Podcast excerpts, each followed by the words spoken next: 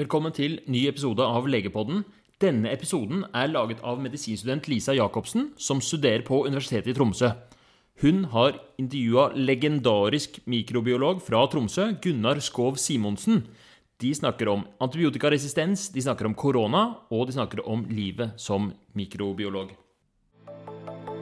Du hører på Medisinstudent Snap. Dagens gjest er professor i medisinsk eh, mikrobiologi, Gunnar Skov Simonsen. Velkommen. Takk skal du ha.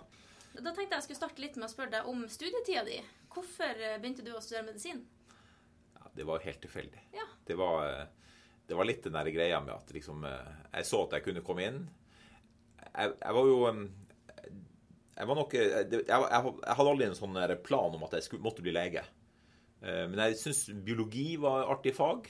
Eh, Så hvis jeg ikke hadde blitt, eh, blitt medisiner, så hadde jeg kanskje blitt et eller annet innenfor biologiområdet.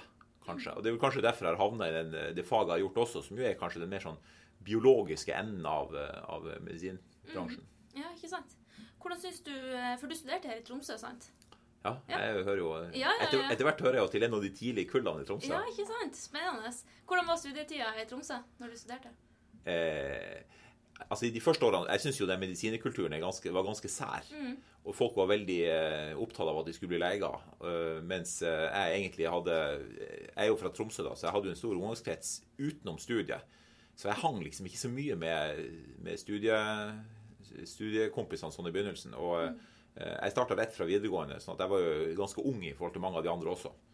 Så det var litt sånn etter hvert. Så jeg studerte jo da bort på, bort på Strandveien, på det gamle sykehuset. sånn at eh, jeg er jo liksom den siste generasjonen som før alt flytta til Breivika. Så eh, nei, det var, et, det var en hyggelig tid. Ja, ikke sant? Eh, hvor, eh, hva syns du var liksom det beste med, med studietida? Jeg, altså, jeg syns jo det, det var eh, utfordrende å lære mye, altså. Jeg, jeg syns jo det er artig å lære nye ting. Og så må jeg si at eh, eh, Særlig etter hvert når vi kom mer over i det kliniske, så eh, Vi hadde jo små kull. altså Vi var jo en 35-40 stykker på kullet. Og det gjorde at vi kjente eh, lærerne veldig godt. Og eh, veldig mye av den kliniske undervisninga den gjorde jeg og noen av, eh, av kompisene mine. Det var bare vi, at vi bare avtalte med legene på sykehuset og gikk på, på nettene og på kveldene og i helgene og var liksom med på alt som skjedde. På en helt annen måte enn det som er mulig nå med dagens store kull og sånne ting. Sånn at den der følelsen liksom bare liksom å bli dratt med i det, det store sykehuset og alt som skjedde der, det var, det var spennende. Hvordan tror du, tror du det er liksom sånn i for, forhold til i dag da, for studentene? Jeg vil jo tenke at den måten hvor man er litt mer, må være litt mer sånn frampå sjøl, eh, kan det være bra, eller er det Altså det, jo- det blir jo fort litt sånn romantisering av gamle dager. For det første, husk liggetidene var mye lengre. Det lå mer pasienter inne på sykehuset. Mens nå er det jo sånn one touch. ikke sant? Veldig mye skjer på poliklinikkene. Det er vanskelig for studentene å komme til. Og så er det mange flere studenter. Og så må jeg jo si at, at uh, hele medisinutdannelsen uh, har jo tatt veldig mye retning av at man skal ha definerte læringsmål, og det er veldig mye fokus på hva man skal lære, eller pensum, eller hva man, man kaller det. Jeg vil påstå at vi hadde ikke så mye av det. Vi, vi var veldig sånn eh, opptatt av hva vi syntes var artig og spennende og interessant og relevant på en annen måte. Det var, det var liksom ikke det, jeg, jeg opplever jo at mange studenter nå spør mye om ja, hva må vi lære? Uh, og jeg tror nok det har skjedd en endring i studentkulturen i retning av at dere uh, nå snakker om at dere går i en klasse. Det ville vi aldri ha sagt. Vi gikk på et kull. Vi var liksom ikke elever i den forstand. Så, så på en eller annen måte syns jeg at eh, student, eller studiekulturen rundt medisin er blitt mer sånn skoleprega og mindre eh, Det er et mindre individuelt prosjekt, på en måte, å, å finne veien sin. Hvordan kan man liksom stimulere studentene til å finne sitt eget prosjekt, da? Nei, altså, jeg vet ikke. Det, det, er, jo en, det er jo en veldig forventning om, noe om at eh, Og, og, studieplanlegginga legger opp til endeløse sjekklister og punkter, og alt skal liksom være et sånt ekstremt sånn Nærmest et digitalt system. Mens jeg, eh, jeg vil nok si at jeg, jeg, kunne godt tenke meg at, man, at vi tona ned det her med læringsmål. At vi heller pekte på relevant litteratur, og at dere kunne søke litteratur. Kanskje lese mer tekst uten å pugge den så veldig hardt, bare liksom for å få et, et bredere bilde, altså. Eh, du kan si at, at noen fag egner seg jo bedre enn andre for å ha sånne lister. Eh, jeg tenker jo sånn som psykiatri og en del av de fagene der, det må være helt umulig å få til et sånt listebasert. Hos oss er problemet litt det motsatte. at Listene blir så innmari lange. Det er så mange detaljer. Sånn at Utfordringa når man holder på med, med, med mikrobiologi, og sånt, det er jo å, å, klare å holde litt oversikt. Så jeg prøver jo å oppfordre studentene til ikke å grave for mye i detaljer. For da mister man ofte litt sånn eh, perspektivet. Mm. Ja. Neste spørsmål var litt mer sånn Har du noen råd til dagens studenter sånn utover det å bruke eh, mye tid på lesesalen? og ja? Ja, altså det er jo, det er jo alltid Det, er jo, det der er sånne spørsmål man stiller til gamlinger, ikke sant? Eller folk man vil ha råd av. Ja. Altså det, for det første, det er klart at, at det, man, man, må ha all, allsidig interesse. Og så tenker jeg at det, det jeg syns er det Det jeg tenker er gullet, det er det her med å, å, å, å dyrke nysgjerrigheten sin. Altså forfølge det man syns er interessant eller artig eller rart eller sånne ting. Og så liksom sette seg inn i det. Mm. Fordi hvis man hele tida liksom skal uh, la seg styre eksternt av hva som uh, noen sier er viktig, eller hva som står på lista, eller hva som noen sier at det blir vi spurt om til eksamen og sånne ting, så jeg tenker at da blir det en sånn uh, det, det, blir en veldig sånn ekstern motivasjon. Jeg tenker at den interne motivasjonen er ekstremt viktig. Mm. Og, og, særlig hvis man da går inn i et yrke som man kanskje skal ha i 40 år, eller noen sånne ting. Da, altså Den der pliktfølelsen, den, den holder bare så langt, altså. Mm. Uansett hvor flink man er. Så hvis man ikke har den der indre gleden ved det man holder på med, da blir man utbrent og sliten før man, er, ja, og med før man blir 50. Mm. Hva var det som trigga liksom, din indre motivasjon til å gå inn i det eh, fagområdet du er i nå? Ja, det var igjen tilfeldig, egentlig. Var, eh, jeg hadde vært jobba litt eh, Han er sagt på bygda. Vært litt i, i, Finnmark og litt i Vesterålen og sånne ting. Og så flytta vi tilbake til Tromsø. Og så egentlig skulle jeg begynne på barneavdelinga. Eh, men var, de hadde ikke en ledig jobb akkurat da. Mm. Og Så prata litt med dem, jeg var litt involvert i litt sånn prosjekter. Og så var det en som sa at mikrobiologi det er alltid lurt. at det er veldig sånn, litt, Hvis du er litt sånn forskningsinteressert og litt interessert i pediatri, så er uh, mikrobiologi er veldig relevant. da. Og Så gikk jeg opp og så snakka med han som var sjef for mikrobiologen da.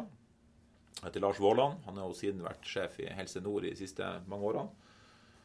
Og Han spurte meg om jeg hadde tenkt å bli mikrobiolog. Og så sa jeg nei, det kunne jeg ikke tenke meg. Da får du jobb, sa han.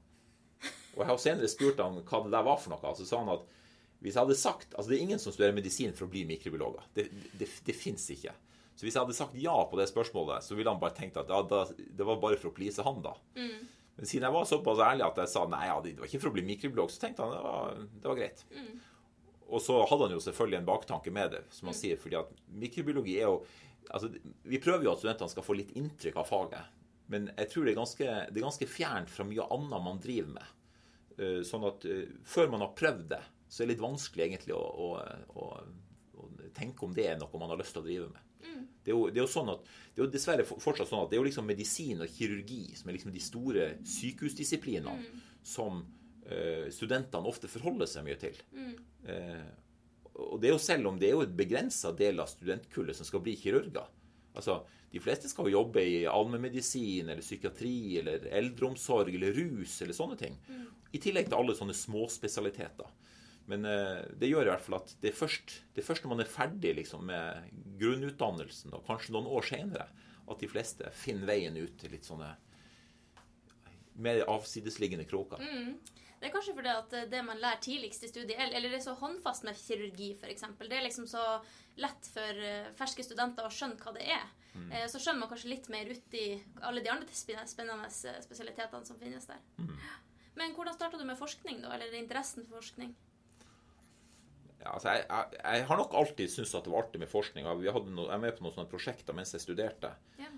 Um, men jeg husker, jeg husker, helt klart mens jeg satt i Da jeg jobba litt sånn i allmennpraksis etter turnus, at jeg var litt Jeg ble rett og slett litt frustrert over uh, hele tida å skulle følge retningslinjer som andre hadde skrevet. Mm. Altså Det ble liksom litt bare å, å, å, skulle gjøre det som noen hadde sagt var rett. Mm. Og jeg ble interessert i ja, hvorfor er nå dette rett, da? Og jeg tenkte jo som så at hvis det var noe jeg var interessert i, så ville jeg jo gjerne sånn sett være med og si hvordan ting skulle være. Og da er veien ganske kort til forskning. For at da må du begynne å lese artikler, og du må begynne å vurdere kunnskapen, og du ser at det her er jo Det her vet vi jo faktisk ikke. Mm. Så da, da blir forskningsprosjekter fort det neste. Mm. Var det ut fra en sånn eh, frustrasjon på en måte over retningslinjene som var, eller var det også, eller det var kanskje begge deler, men en sånn, også en interesse for å være med på å bygge videre på et fagområde? fagområde?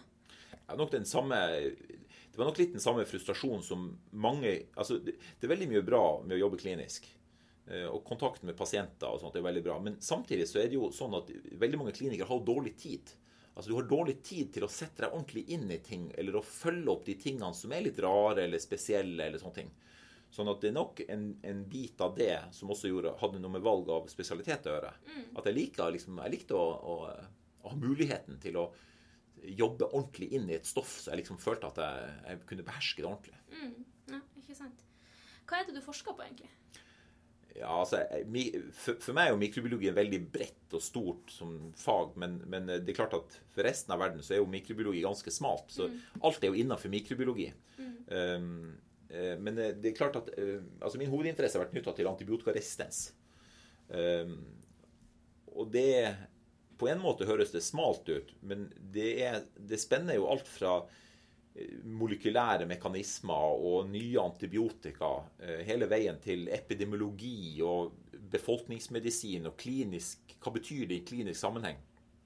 Og hele veien ut til altså, sosiologi. Hvorfor, hvorfor, eh, hvorfor har eh, helsearbeidere og leger den atferden de har, og hva er det som styrer deres atferd når det gjelder forskrivning av antibiotika og smittevern og sånne ting. Mm. Sånn at innafor Eh, og det er jo kanskje en av grunnene til at jeg syns det er en artig eh, tematikk. Det at innafor et sånt tema, som jo selvfølgelig også er viktig og, og i, i, tiden, så er det veldig mange forskjellige sånne vinkler inn i det. Mm. Mm. Også litt psykologi, kan jeg tenke meg også. Ja, det er masse. Altså, det er en, det er, det er, jo veldig fascinerende, det å, det å um, det å ikke bare skulle gjøre det rette sjøl, men finne ut av hvordan man kan eh, få helsevesenet til å fungere, eller og folk flest til å forholde seg til et sånt problem på en, en god måte, eller en formålstjenlig måte. Mm. Hvordan vil du si at fokuset på antibiotikaresistens fra du begynte å forske på det, til i dag, har endra seg? Altså, det er ikke tvil om at det har, det har endra seg. Nå må det sies at Norge er nok litt, altså Norden er litt spesielt. For at, eh, det har vært en del veldig sterke stemmer i norsk og nordisk medisin helt fra 50-tallet. Sånn at eh, også folk flest har nok hatt oppfatninga om at man skulle være litt forsiktig med antibiotikabruken. Sånn har det vært veldig lenge. Um, men altså, jeg, jeg, jobber en god del internasjonalt. Internasjonalt var, var, lite, var man lite opptatt av dette. Uh, det var noen sånne oppblussinger. Jeg jobba i utlandet tidlig på 2000-tallet. Ehm, da var det mye motbakke, vil jeg si. Det, var, altså, det, mange, det, er mange som sier at de er opptatt av det, men så gjør man liksom ikke noe med det. Det blir fort litt sånne festtaler av det. Mm, mm. Men, men, men, så er det jo mange som har jobba veldig sånn systematisk for å få liksom de, de store eh, overordna eh, altså på, Mer på et politisk nivå. Mm. Og det skjedde vel noe rundt 2010-2012 eller der omkring hvor det blir mer reelt fokus og mer ordentlig eh, dra, drag på det. Mm. Sånn at eh, jeg tror jo jeg tror at det er, det er, en stor oppmerksomhet rundt det. Mm. Men det er jo vanskelig, altså, i hvert fall i en global sammenheng, mm. vanskelig å si hvordan man skal egentlig komme videre. Mm. Hva var det som skjedde da i 2010-2012? Var det noe spesielt, eller var det litt sånn Nei, altså, det vil, altså Dels har jo problemet eskalert.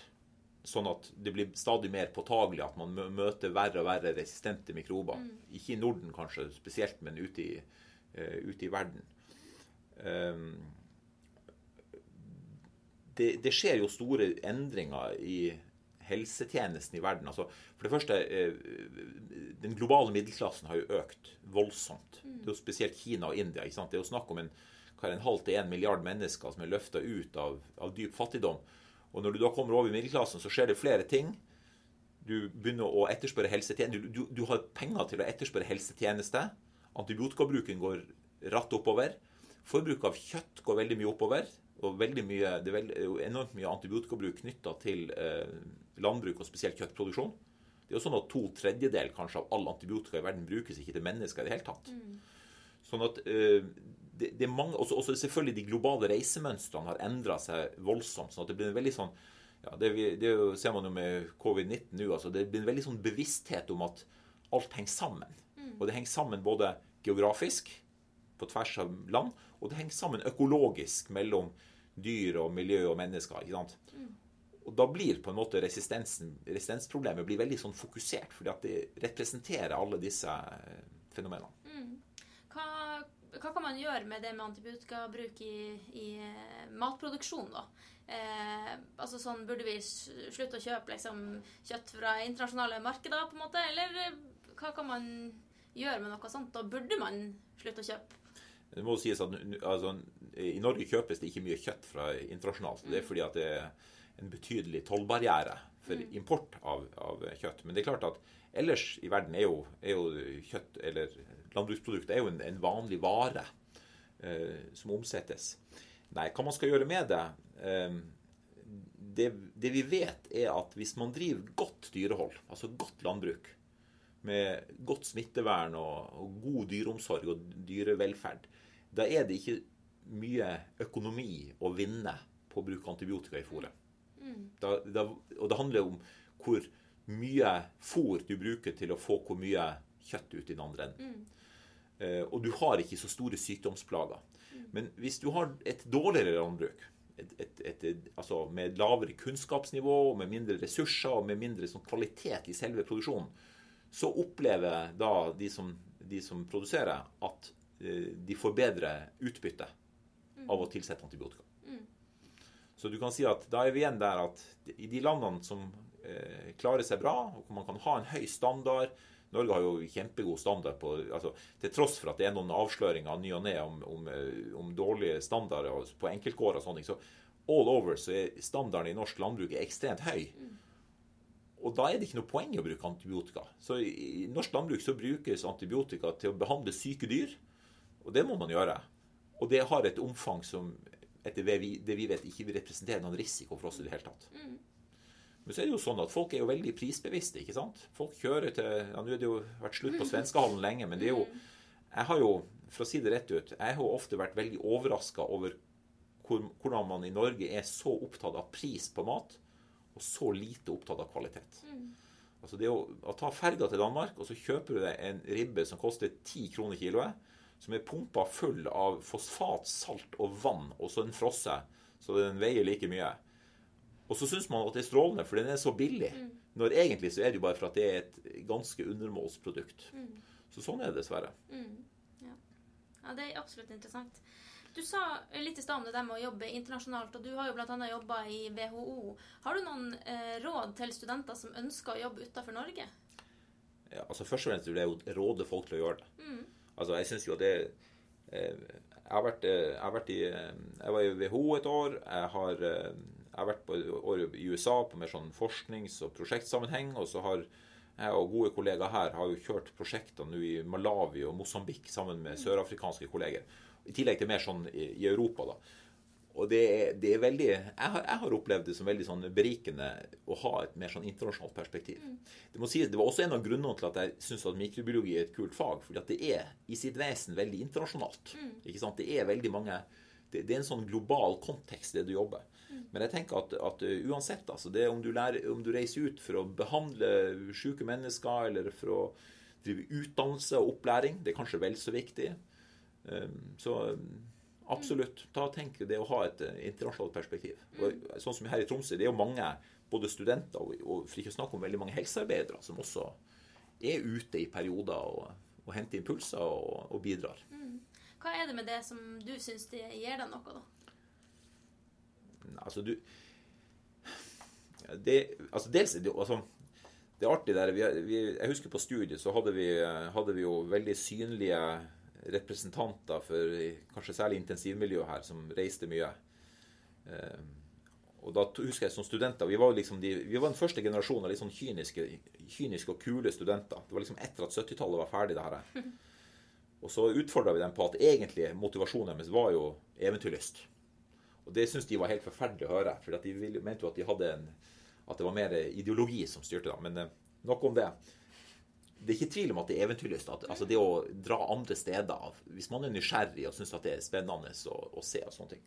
Men så er det jo også det her med at du, du får et bedre perspektiv på hva du driver med sjøl til vanlig. Altså. Mm. At, at det, det du tenker at det må være på en bestemt måte, det er det må ikke det. Det, det, man kan gjøre, det finnes mange måter å gjøre ting på. Man forstår sin egen hverdag bedre enn når man liksom har sett andre ting. Altså. Så det, Har du noen eksempler på hvordan du har liksom forstått eh, ja, din egen hverdag eller andre ting rundt det? altså direkte, Hvis jeg snakker om det jeg jobber med innenfor resistensbransjen, så er det klart at, at eh, skandinaver, inkludert nordmenn, er jo ekstremt glad i å eh, Har jo mange meninger om at hvis bare resten av verden gjorde som oss, så ville alt vært mye bedre. Uh, og det gjelder ikke minst f.eks. hvis man snakker om smittevern eller fornuftig antibiotikabruk og sånne ting. Det er klart Når du, når du tar inn over deg hvordan eh, hverdagen er for folk som lever under helt andre himmelstrøk, og hvor tilgang til helsevesenet er annerledes, og sykdomsbyrden er helt annerledes, og kunnskapsnivået er kanskje helt annerledes, så, så blir det jo du, du, du mister noen illusjoner om hvor, eh, hvor lett det er at alle bare skal gjøre som det. Så, så, det er et konkret eksempel på at eh, du, du, du, blir litt mer ydmyk rett og slett av å, av å se verden der ute. Tror du eh, at eh, dagens både studieplan og studenter er bevisst på Om man ikke skal si liksom sitt internasjonale ansvar, men at man burde i hvert fall vurdere det som en, en ting man kunne ha gjort i en periode, eller ja. Jo, altså, jeg, jeg tenker jo at altså, nå er jo ikke, ikke studieplanene likens rundt omkring, og det er nok varierende fokus. Um, men um, vi, vi, kunne sikkert være flinkere, vi som er lærere, til å, til å fronte eh, dette med global helse. Uh, men i tillegg så er, da er vi litt tilbake til dette med å være litt sånn nysgjerrighetsdrevet og, og være litt sånn interessert i å, å få med seg mer enn akkurat det her med å sjekke av alle punktene i, i læringsmålbeskrivelsen. Altså. Mm. Men det, det, er jo mange, sånn som i hvert fall i Tromsø, og sikkert på de andre studiestedene også, det er jo ganske mange som er interessert i å, å reise og, og, se andre deler av, av verden. Mm. Mm. Det er det. Um, hva tror du er de største utfordringene vi står overfor i fremtidens medisin? Sånn all over? Mm. Ja, Eller var... innenfor dette feltet? det var et stort spørsmål. Ja, det var et stort spørsmål. Mm. Eh, nei, hva jeg skal svare på det, da? Eh, jeg tror nok at vi, vi um, det, vil, det vil være et økende gap mellom det som er mulig å gjøre, og det som gir hva jeg skal si, medisinsk mening å gjøre, og som det også vil være ressurser til å gjøre. Um, det, er, det, er, sånn at, at uh, medisin er en sånn um, det, det, det, skapes veldig mye forventninger rundt medisin. Eh, og det er jo forståelig. Det er jo folks helse og, og, velferd det handler om. Eh, og vi som jobber i helsetjenesten, er jo kanskje noen av de aller verste til å skape forventninger hele tida. Men eh, du, får, du får en sånn Når du får for stort sprik mellom hva som er mulig å gjøre hvis man reiser rundt til alle verdens steder, og man finner noen som påstår de kan gjøre det ene og det andre, kontra det å på en måte ha en litt mer sånn eh, Være litt mer sånn grounded i hva er, hva er faktisk verdt å sette i gang med. Der tror jeg vi har eh, store utfordringer. Det er jo, det er jo allerede vist at det er en, en kjempestor andel av det vi bruker av, av ressurser i sykehusene f.eks., som eh, går med til folk innenfor de aller siste månedene av livet de lever. Og det er klart at, at, at det er viktig å drive god pleie og omsorg også hvis man ikke har noen stor sånn livstidsmessig gevinst. Og, og, det er ikke alltid man vet hvem det er som kanskje vil komme seg gjennom og leve lenge. Men det er likevel et tankekors at vi, vi det, det, det, det, er sånn tilbakevendende at vi, vi gjør så mye. Uh, en ting er at vi bruker ressurser, men ofte så skaper vi veldig mye uro og forventning og håp som blir skuffa og sånne ting. Vi, vi, vi herjer mye med folk. Og det føler jeg ofte på at vi, vi burde være flinkere til å, å ta det ned litt. Mm. Det er mange, dette er jo ikke mine originale tanker. Det er jo noe jeg tror veldig mange i helsetjenesten føler på. Mm.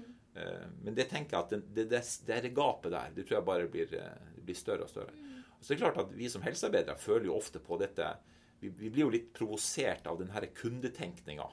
Ikke sant? Av at, at uh, når folk kommer og på en måte nærmest vil bare bruke oss til å få det de mener er rett, selv om vi mener at dette faktisk verken ressursmessig eller medisinsk er noe fornuftig. Mm. Hvordan tror du man har kommet dit, da? Nei, altså det eh, Jeg tenker jo som så at alle, alle systemer må ha noen form for bremse. Det må være noen bremse i det her systemet. Og i gamle dager så var det jo en autoritær legerolle som var bremsen. ikke sant? Det var, det var jo, legene var jo litt, Vi var jo ganske autoritære og sa at nei, hør nå her, min gode mann, den operasjonen der, den tror jeg faktisk ikke er til beste for deg. Og så ble det sånn. Men det har jo ikke så stor legitimitet å, å liksom herse med folk på den måten. Så har du jo andre metoder. Det er jo å si at ja, du kan få hva du vil, men du må betale for det. Ikke sant?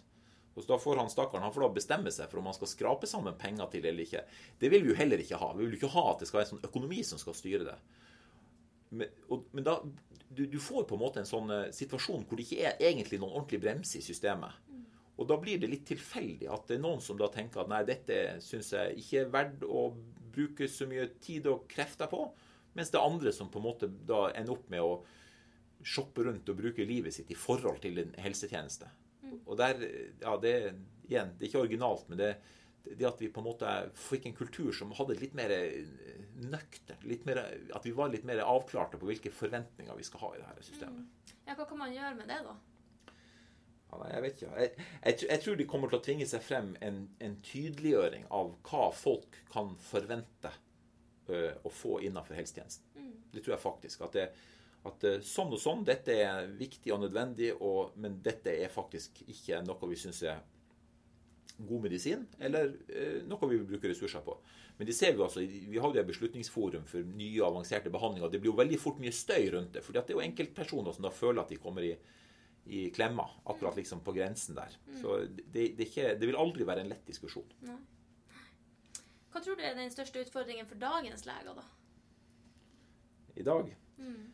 Uh, ja, nei, hva skal jeg si til det? Uh, jeg tror jo mange leger føler på at det, de, disse forventningene til alt de skal rekke å gjøre, alt de skal kunne uh, Mange opplever at det er mye stress rundt mye formaliteter som ikke egentlig har så mye med, med pasientbehandling eller fag å gjøre.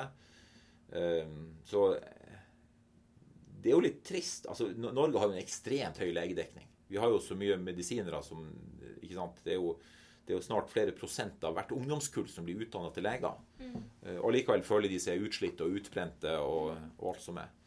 Så eh, jeg tror kanskje jeg tror kanskje utfordringa for dagens leger blir det, det, jeg, det jeg ofte tenker er et gode, det er å prøve å finne seg noe man er ordentlig interessert i sjøl. At, at, man prøver å finne seg noe som man liksom har som sitt. Fordi at eh, de, de, når man, Selv når man er ung lege, så er det jo kult å liksom ha fått callingen og liksom være en av de som liksom er med når stansen går. ikke sant? Mm. Det er klart det er spennende. Mm. Det, vi har alle vært der. Når det har gått 10 eller 15 eller 20 år, så blir du sliten av å være et, et hjul i en svær maskin. altså. Mm. Da vil du gjerne ha noe du liksom kan hegne om, og som du vet at dette har jeg spesielt interesse for. Dette kan jeg mye om, dette kan jeg fortelle andre om, fordi at dette er liksom min greie. Så jeg råder jo alle yngre kollegaer til å finne ut hva som er din greie. Mm. Ja, Hvordan gjør man det? Nei, igjen, altså, Jeg tror ofte det er tilfeldig. Jeg, jeg, tror jo at mange kan interessere seg for mange ting. Jeg tror ofte det kan være en, eh, om det er en pasient man møter, eller om det er en kollega man møter, eller sånn. Mm. Et eller annet sånt. Mm. Ja, Hvordan kan man da liksom finne sin egen Hvis man har funnet noe man syns er litt spennende, hva, hvordan tar man det videre derfra til en eh? Da må man eh, Altså, det Jeg tror det vil være veld, veldig mange svar på det. Mm. Men jeg, jeg, må si at jeg opplever jo eh, Jeg opplever jo både eh, lege, altså de, si, de, etablerte legene og, og systemet, systemet, som helhet til å være ganske imøtekommende når det er noen som vil Hvis du kommer og vil noe. Mm. Og jeg prøver i hvert fall Nå er det klart jeg kjenner jeg lever jo stort sett mest i sykehus, og, og, og spesielt i, her i, i Nord-Norge. Eh, men det er klart at, at, hvis folk eh, engasjerer seg og har lyst til å bidra og eh, ja, tar tak innenfor et område, liksom sier at dette har jeg lyst til å, liksom, å, å sette mitt preg på, så tror jeg det, du, det, det, er god mulighet for å få gjort det. Mm. Ja, når vi snakker om, om Tromsø igjen, hva for medisinstudenter og leger, hva er det som er bra med Tromsø? altså det, eh, jeg har alltid tenkt at noe av det, altså det, det, er jo sagt mye om dette med kulturforskjeller. Eh, og det, det er nok noe i det. Eh, Nå er, er det jo veldig problematisk når litt sånne etter hvert ganske gamle professorer snakker om at de sjøl er litt sånn ungdommelige og kule av seg. Men jeg husker jo første gangen jeg var på, på noen sånne møter og sånt i, i, i Sør-Norge, på de etablerte institusjonene i, sentralt på Østlandet. da jeg følte litt sånn tyngden av liksom, at det var, det var, mange generasjoner med legefamilier som liksom hang på veggen, som liksom stirra ned. Den, så det, det, er nok en litt sånn følelse I hvert fall der jeg at, at, vi, at det, det, Troms er et lite universitetssykehus. Vi kjenner hverandre. Man, får, man kan gjøre mange ting. Det er liksom det er lett.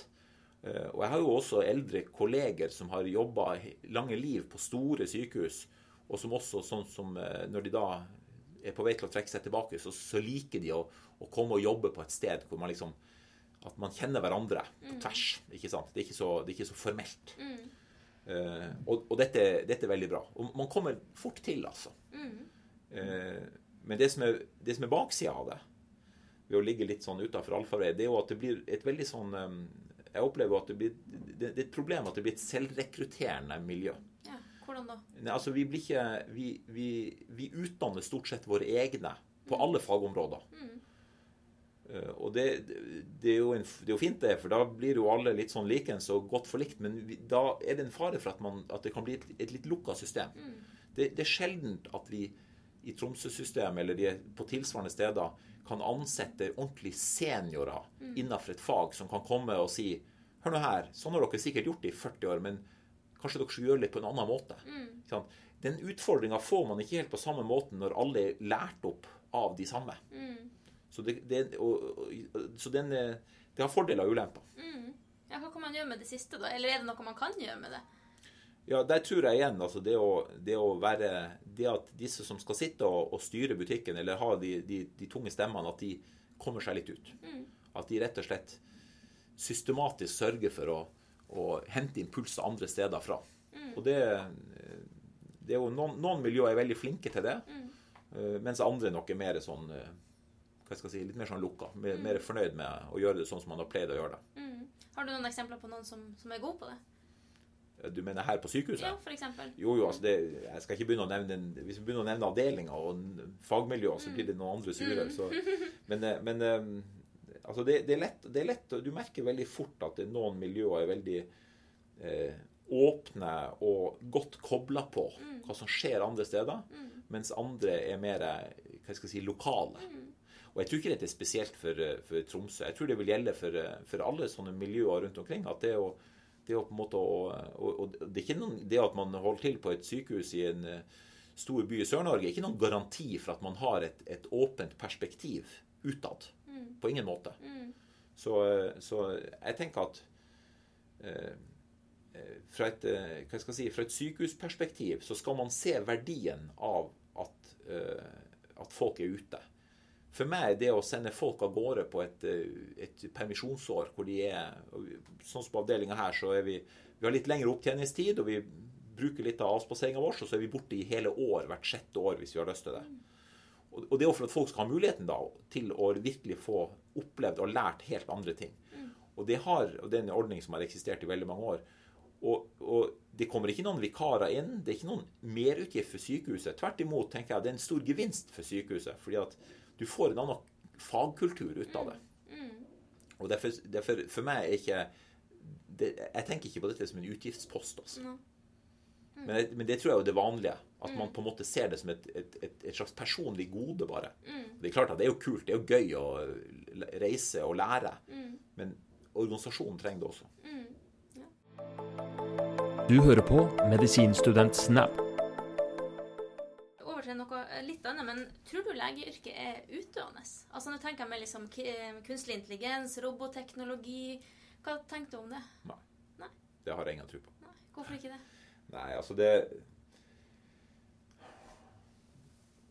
Jeg har vært involvert i noen sånne prosjekter hvor man skal prøve å se hva algoritmene kan få til. Og det er klart at de kan støtte mye, men eh, du må alltid I hvert fall sånn som jeg har sett det, så ender du alltid opp med at du skal legge inn så store sikkerhetsmarginer at du alltid overdiagnostiserer, og du alltid trekker opp flere muligheter enn det som, det som eh, Hva skal jeg si Enn det som er eh, altså du, du, du, klarer ikke å ta inn over deg at noe er faktisk ikke så veldig sannsynlig.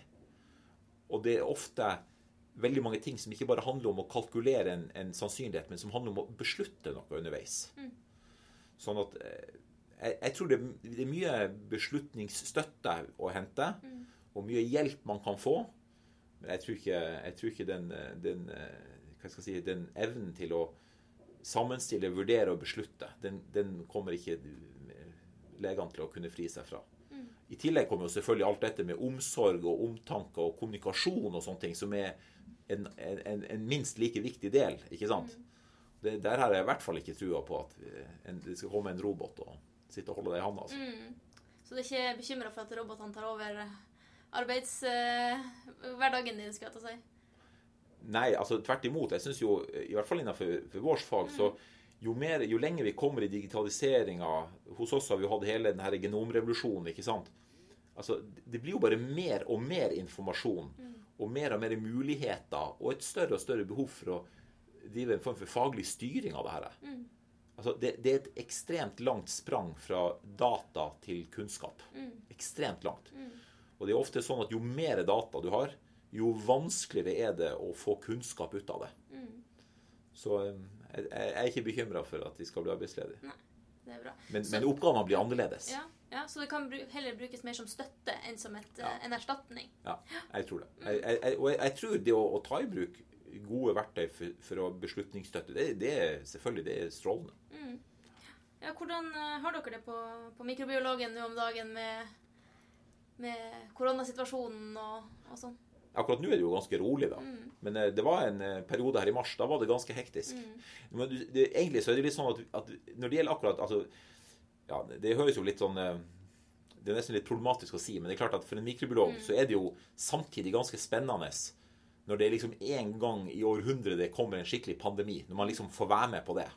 Ikke sant? Det skjønner alle. Det er liksom Det er da det virkelig skjer. Vi sitter jo og ser etter pandemier hele tida, nesten. Mm. Ikke sant? Sånn at eh, vi har hatt mange hva skal jeg si, Vi har hatt mange tjuvstarter hvor vi liksom tenker at jøss, hva er det som skjer her? Og vi begynner å gjøre klar diagnostikk og sånne ting. Og så feide det bort, og så ble det ikke noe av, eller det ble ikke så alvorlig, eller ikke sant. Så, så hos oss så begynte vi seriøst litt tidlig i januar. Begynte de her, særlig de inne på virusenheten vår, å, se på om det her var, var noe som vi måtte følge med på. Så det var travelt i mars, eller februar og mars var travle hos oss. Nå har det jo på en måte lagt seg til på et litt rolig nivå. Og Husk, eh, helsetjenesten har jo gått eh, på lavgir. Mm. Så alt det andre vi også driver med, det har jo vært veldig stille. Mm. Folk har slutta å få klamydia. Mm. Ikke sant. Vi har aldri hatt så lite klamydiaprøver som vi har hatt de siste to månedene. Ikke sant. Ikke sant. Kanskje fordi at eh, testmulighetene er, er nede, men det er jo ja. Ja, det er klart at Nå er det jo mange sånne selvteststeder hvor man kan levere urinprøver for klamydiatest. og De Ja. er nok blitt låst, men, eh, ja. men det, er allikevel, det, er allikevel, det er jo påfallende. Ja. Vil det også sies at det er klart at, at mye av altså vi, vi, vi, betjener jo både Diagnostikken vår skal både betjene primærhelsetjenesten Mm. og sykehusene. Og det er klart at Mye av det vi gjør for sykehusene, er jo også litt sånn hva skal jeg si, bivirkning av medisinsk behandling. Altså Det er jo postoperative infeksjoner Mm. og, og den slags. Og de er jo på en måte blitt borte fordi at kirurgiske, elektive kirurgiske virksomheten er blitt tatt ned til et minimum. og sånne ting. Så det, jo, det har jo reelt sett vært mindre behov for våre tjenester på andre områder enn akkurat koronavirus. Så det, det passer fint for oss, da. Mm, ikke sant. Så til det spørsmålet som jeg tror flere enn meg lurer på. Kommer det en ny bølge? Ja, nei, nu, nu er det, for å si det sånn, det, jeg, jeg ynder jo å si at Kall meg hva som helst, men ikke kall meg smittevernekspert, for det er den mest eh, devaluerte tittelen jeg vet om.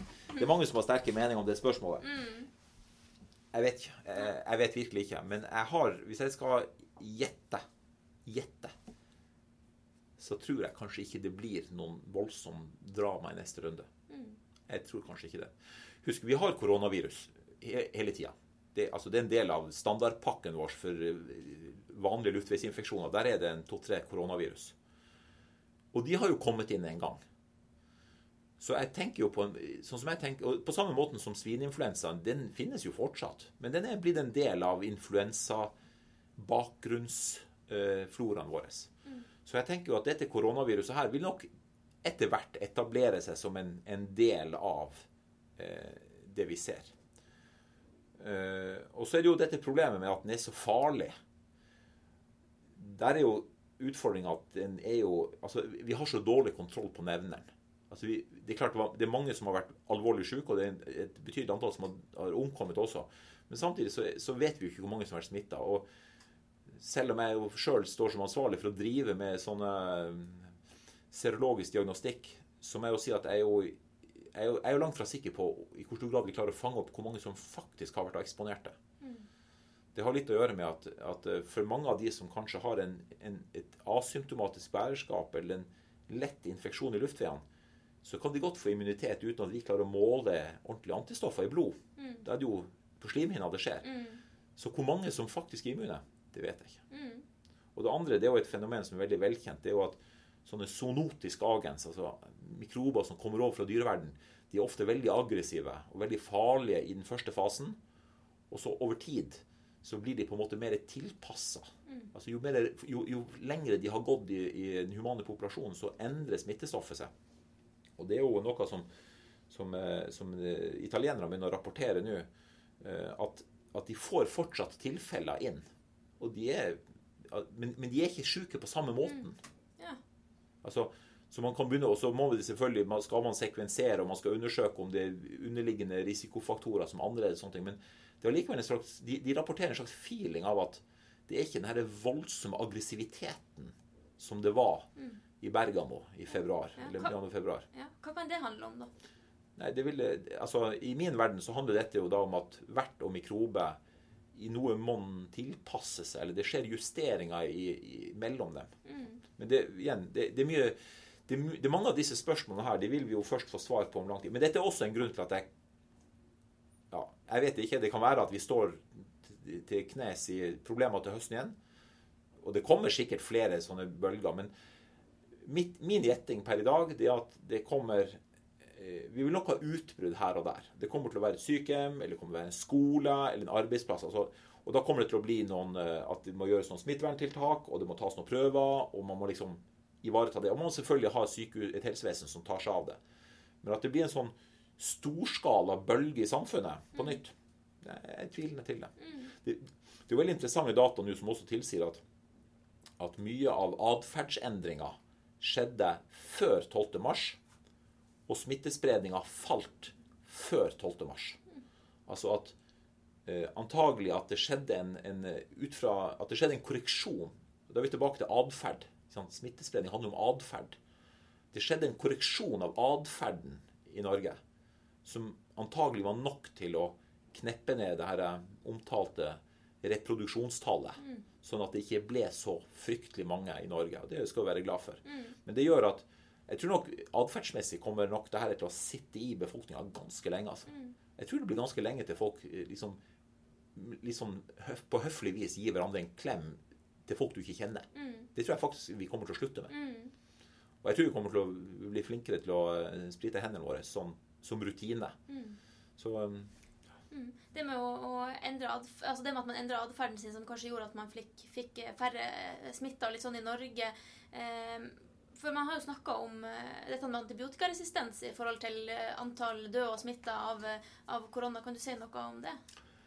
Altså det, det, har vært en stor diskusjon. Altså Spørsmålet er jo litt hva dør man av hvis man dør av koronavirus.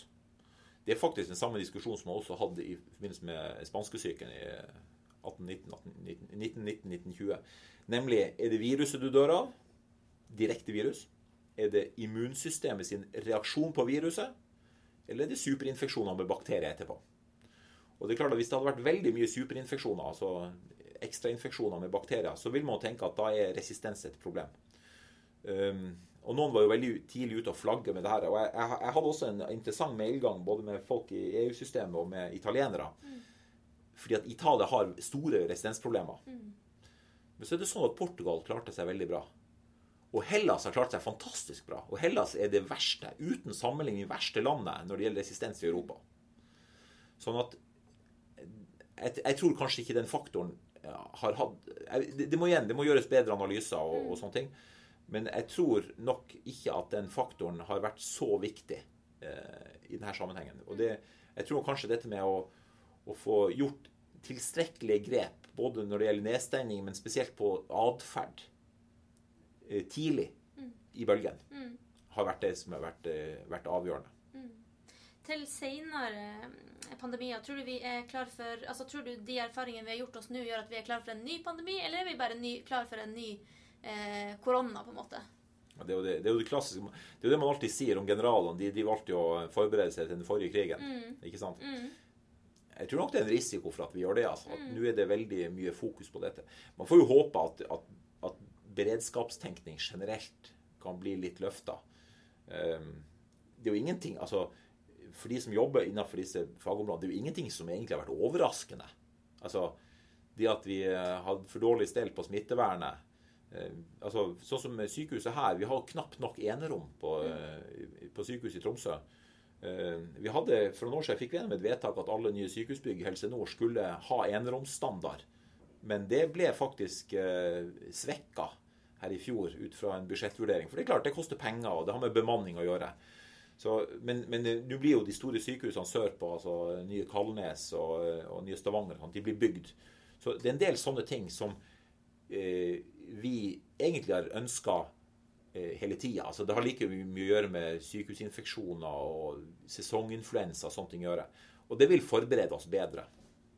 Um, vi, vil nok, vi vil nok få en, en bedre beredskap, um, spesielt for disse, disse luftveisinfeksjonene. Men det er klart at hvis man ser på hva, det, hva, hva man har på overordna nivå i Norge, så har vi, en, vi har et planverk for pandemi. Og det er egentlig tenkt som en veldig smittsomme, men ikke så veldig farlige infeksjoner. Men hvor store deler av befolkninga blir smitta. Og så har vi en annen plan, som er en plan for de alvorlige infeksjonene. Den kom jo selvfølgelig i forbindelse med ebola. Og det var ingen som hadde trodd at vi ville få veldig mange ebolapasienter i Norge. Men de man fikk, de ville jo være, vil være skikkelig skumle. Og så kommer altså den pandemi som vi egentlig Den ligger litt midt imellom her. Fordi at vi er vi, vi, vet ikke hvor stor del av befolkningen sprer seg, eller hvor lett den sprer seg. Og så er vi faktisk ganske bekymra for egne helsearbeidere. Folk blir redd for, for, sin egen, for sin egen smittevern. ikke sant? Som om det var mer sånn ebolatenkning. ikke sant? Så jeg, jeg tror nok at ethvert sånn fenomen av denne skalaen vil komme med sine egne nye problemstillinger som det er vanskelig å forberede seg på. Mm. Men noe, noe beredskap må nå bli bedre av her. Mm. Mm, og litt eh, over til noe eh, annet igjen. Men når du ikke eh, leser og skriver forskningsartikler, er det noe annet du liker å lese da? Historie. Ja. Jeg tror nok de som studerer i Tromsø, har fått med seg at de får ofte litt sånn medisinsk historie med på kjøpet. Så, sånn er det nok, dessverre. Det er det man sjøl er interessert av. Det, så, men jeg, så leser jeg, altså jeg er jo glad i å lese skjønnlitteratur ellers også. Mm. Så Hva var det siste du leste? jeg holder på med å gjøre ferdig en bok om eh, japansk historie etter eh, 1868. Oi. Det som har foregått i Japan de siste årene. Mm. Og ellers så eh, på skjønnlitteratur er den siste det er en veldig fin bok som heter 'Klosteret', som handler, handler om en sånn litterær fremstilling av den eh, første store fangeleiren i Sovjetunionen på 1920-tallet, som lå på en øy utafor Arkangelsk, Nei. rett over Ja. nordvestre Russland her. Ikke så langt derfra. Ikke så langt herfra. Ikke sant. Mm, avslutningsvis så lurer jeg på Du er jo eh, mye ute i media, blir intervjua med forskjellige utbrudd og, og sånne ting. Syns du at leger burde ta en større plass i samfunnsdebatten? Ja, jo, det der var Ja, hva skal jeg svare på det, da? Um, det vet jeg jammen. Altså, det, det, det er litt vanskelig å svare liksom, på vegne av hva jeg skal si, seg sjøl og, og mene om hva andre bør gjøre. Um, det er klart at, at leger har uh, Altså, leger er jo veldig viktige, uh, spesielt i forhold til helsetjenesten. Eh, og jeg syns nok at eh, leger gjerne jeg, jeg, det, det, bekymrer meg litt at legerollen over år blir så mye definert til å handle om bare pasientbehandling. Hvis man går 50 eller 100 år tilbake i tida, så vil man se at, man, at, at, eh, at det å drive medisin hadde en mye bredere perspektiv på det å, å fremme folks helse og velvære sånn i stort. Og da kan du ikke bare interessere deg for hva du skal gjøre med folk når de dukker opp i akuttmottaket. Da må du interessere deg for en fungerende skolevesen og eh, gode sanitærforhold og eh, for den del at ikke de økonomiske forskjellene er for store. Mm. Så jeg syns jo det er fint at legene, leger, som alle andre, er engasjert litt sånn, på litt sånn, sånn bred front. Men så må man også være litt forsiktig med å, å, å henge den merkelappen sin og veive med den for høyt. altså, ikke sant? Hvis man skal springe rundt og være lege og professor og det som verre er, og liksom uttale seg om nær sagt hva som helst Ikke fordi at du altså Som, som samfunnsengasjert borger bør vi alle ta del. Men, men å liksom å, å flagge sånn ekspertstempel, det tenker jeg at man ofte kan være litt forsiktig med. Har du noen eh, spesielle inspirasjonskilder? Du mener sånn av eh, kolleger eller av eh, Ja, eller av Altså om det er kollegaer eller andre ting som inspirerer deg? Ja, altså det, det, Jeg må si at det, det er veldig Altså, jeg jeg er jo vokst opp på sykehuset her. Og jeg kjenner mange folk i systemet her rundt på avdelingene.